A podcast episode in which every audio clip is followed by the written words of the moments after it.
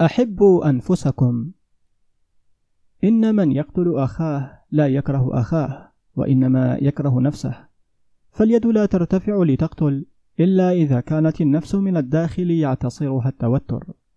القاتل لا يعلن الحرب على الآخرين إلا إذا كانت الحرب قد أعلنت داخل نفسه واشتد أوارها وثار غبارها فأعمى العيون والأبصار. المجرم هو دائما إنسان ينزف من الداخل أما من يعيش في سلام مع نفسه فهو يعيش دائما في سلام مع الآخرين. إنه لا يستطيع أن يكره ولا يخطر بذهنه أن يرفع سلاحا في وجه أحد. إنه قد يطلق ضحكة أو يترنم بأغنية ولكنه أبدا لا يفكر في أن يطلق رصاصة. وإنما تولد الكراهية للآخرين حينما تولد الكراهية للنفس. خصومتنا لأنفسنا هي القنبلة التي تنفجر حولنا في كل مكان. منذ اللحظة التي نختصم فيها مع نفوسنا لا نعود نرى حولنا إلا القبح والدمامة ومبررات القتل والثأر. ونحن في الحقيقة نحاول أن نثأر لأنفسنا من أنفسنا. وإنما تبدأ الهدنة بين كل منا والحياة حينما يرتضي نفسه ويقبلها ويقبل قدره ومصيره. ويبني بذلك الجسور السليمة التي يعبر عليها إلى جمال الحياة حوله ويراه وطيبة الناس حوله ويحس بها. إنه يشعر أن الزهر يبتسم لأنه يرى ابتسامته الداخلية منعكسة عليه. ويقول إن الدنيا حلوة والحقيقة أن نفسه هي الحلوة لأنه لا يرى الدنيا وإنما يرى صورة نفسه كما تعكسها له الدنيا. أما الإنسان الحقود فهو إنسان معتقل من الداخل. سجين قفصه الصدري. لا يستطيع أن يمد يديه إلى أحد لأن يديه مغلولتان وشرايينه مسدودة وقلبه يطفح بالغل. كيف يمارس الحب بحرية واختيار وهو ذاته معتقل؟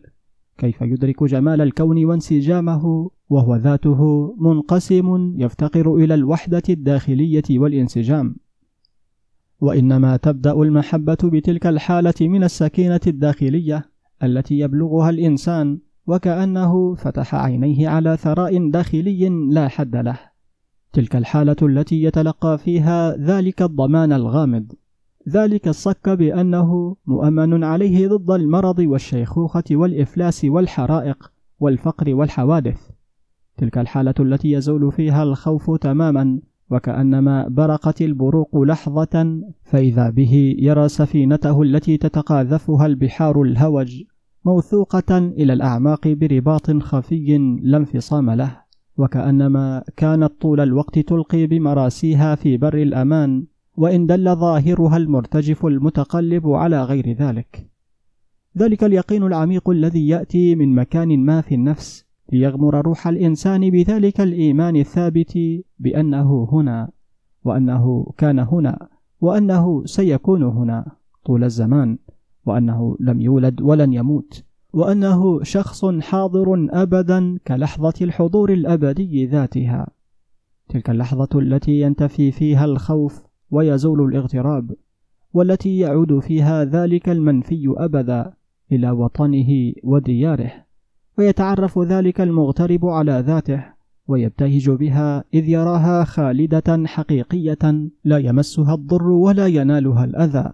تلك اللحظة التي يفرق فيها بين أعراض الجسد الزائلة وبين ذلك الرسوخ والأمان والسكينة الدائمة التي تسبح فيها النفس والتي تكمن فيها في لواذ دائم بتلك الأعماق الهادئة مشرقة على الوجه بالابتسام في أحلك الأوقات. تلك الهدنة التي تنعقد بين الإنسان ونفسه هي النبع التي تتدفق منه المحبة لتحتضن الآخرين وتعانق الحياة لقد كانوا في الماضي يبشرونكم بأن تحبوا الغير ولكن أقول لكم أحبوا نفوسكم أحبوا ذواتكم بحق فبدون هذه المحبة لا يكون حب الآخرين ممكنا كيف تستطيع أن تصادق الآخرين وأنت عاجز عن مصادقة نفسك؟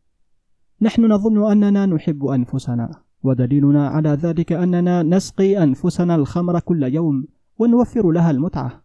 وحقيقة ما نفعل يدل على الكراهية لا على الحب. فنحن نقتل أنفسنا بالخمر والتدخين والمخدرات والإفراط. ولا نطيق دقائق قليلة من الوحدة مع نفوسنا فنستعين عليها بالمغيبات. هاربين من هذا اللقاء. نحن أعداء نفوسنا. وهذه هي الحقيقة المؤلمة. وما أصعب أن نكون أصدقاء لنفوسنا. الأنبياء وحدهم هم الذين استطاعوا أن يكونوا على وفاق ومحبة مع نفوسهم فاستطاعوا أن يعطونا ويعطوا الدنيا الكثير. واللقاء مع النفس شاق وتمام الوفاق مع النفس أشق وأصعب.